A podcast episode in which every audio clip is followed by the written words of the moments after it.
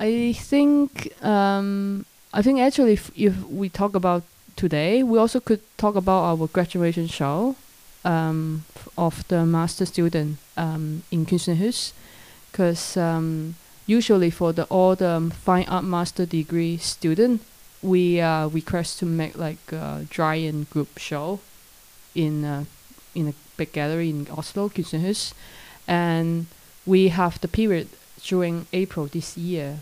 But actually, during the April, we're still facing about the restriction that only five people can come into the museum and gallery per time.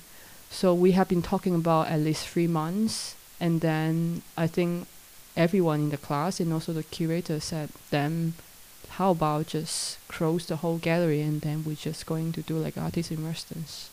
Hmm. Yeah, but uh, and It was interesting to see see all the pictures and, and work, and you made a website as well, right? yeah.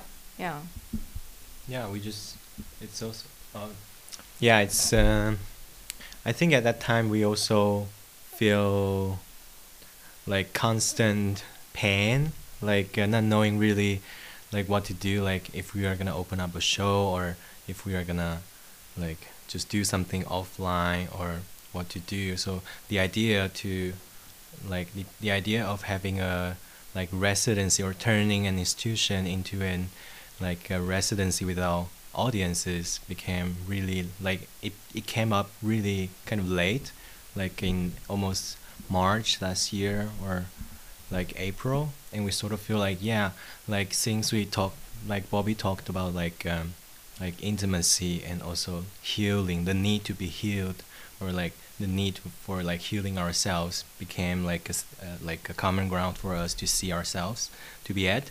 So then um, yeah we started to think about like grabbing some keywords of all this like intimacy healing and then taking care of each other in a way to taking care of the others. I would say that it was it was a very smart move because instead of trying to make something normal, like to, to do something which was you know have a have an exhibition or trying to get out of a, a place, you were doing the opposite thing. Just kind of accept the the reality and find the best way of making the most um, out of it. yeah Hmm.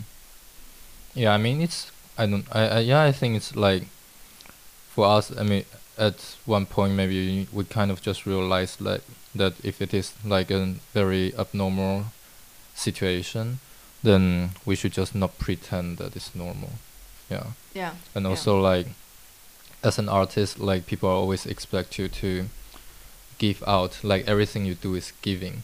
But like then like in this situation maybe the best thing to do is not to give but is to take in Yeah. yeah Yeah, and also Mm. as you ask Bobby, like uh, the question, like how, if the the kind of the COVID affects, like our thinking around art. Mm. Like for me, like the like I could see the biggest like misunderstanding from the others is like uh, they always expect like artists to be productive all the time. So even during the pandemic, like they somehow expected like us to be still in a productive mode or like um, at least somehow doing something like related to that and then but yeah i think as Jinbin said like we also feel like we we need to be like um, given like from for from time and like from the others uh, energy in a way to kind of going through all the difficulties and pain together Was it difficult for you to to spend so much time so intensely with all of your classmates in one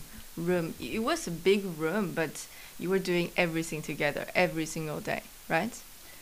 I think if we following like Yuan just said about how the COVID pandemic affects the way we seeing art, not only about the self healing part, also it's like the respect of someone absent in a collective envir- environment. They could be because about they are sick, or they could be also feeling not in the good time.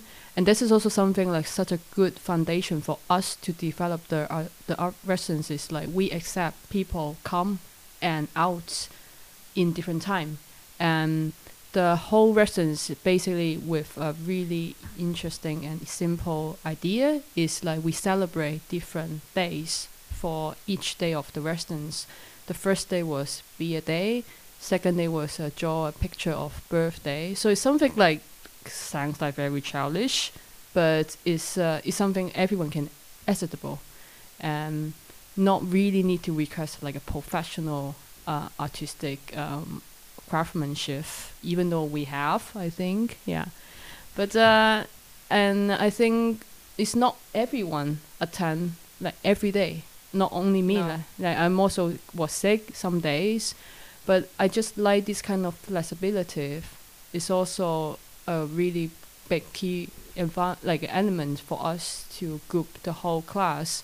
Also, I think two years being a classmate also a very very nice base for us to develop the friendship, and that is also the reason we believe each other can make contribute this residence so well. Yeah. Did you feel that it was a shame not being able to have an open exhibition for your graduation show? I, I can say first, I I completely don't think so. I think the whole experience to have the um, like the residents actually really inspired me how to work a group exhibition, because I think most of the group exhibition or art exhibition in the city in the in the community, we only looking forward, only look forward to our own work, or the curatorial statement, the craftsmanship, but it's it's not very usual to look at the the the, um, the friendship or like the relationship between other artists, and I think we basically completely bit upside down to focusing on different part when we develop the the group graduation show, and something I think I want to like focusing more in my future to like taking care each other if we have any chance to make any collaboration. Yeah, I think for me it's like uh, I don't. I also don't feel any regret at all. Like, I think I was kind of uh, enjoying. I I was enjoying the like the unknown process. Like uh, each day, like as Bobby said, like we match like uh, uh, the the theme of the day, like by n- entirely not knowing what to do. So we always started with a breakfast and we sit together, and I think like no matter what you are going to do you can just do it. Like for example you you want to talk at all you can just go and like read a book and then like start it drawing or like washing the dishes or even take a walk or leaving the institution. And i think um, that's the biggest difference from how i see a graduation show. Like the owner uh, the ownership of the work like it's kind of like uh, wobbling or disappeared. So there's no need for us to claim like the like the territory of our work or like the territory of our like space. And it's more like um yeah like following like your energy uh, or our energy and then respecting like spaces for the others as well.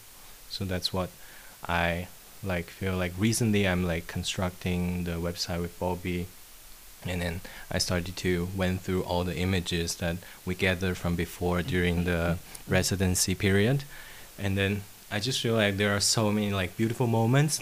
Like um, you could see like um, there are a lot of different moments like being captured. Like some people they were literally playing with dogs, and then I could say like um, over time, or, although I don't know if we are still in the pandemic now, like I could still the like uh, I really miss the the energy, and I think the energy really helps me to get to this point now. So, yeah, I think if I were, if I would have to choose, I think I would probably like vote for the same idea or like the same decision for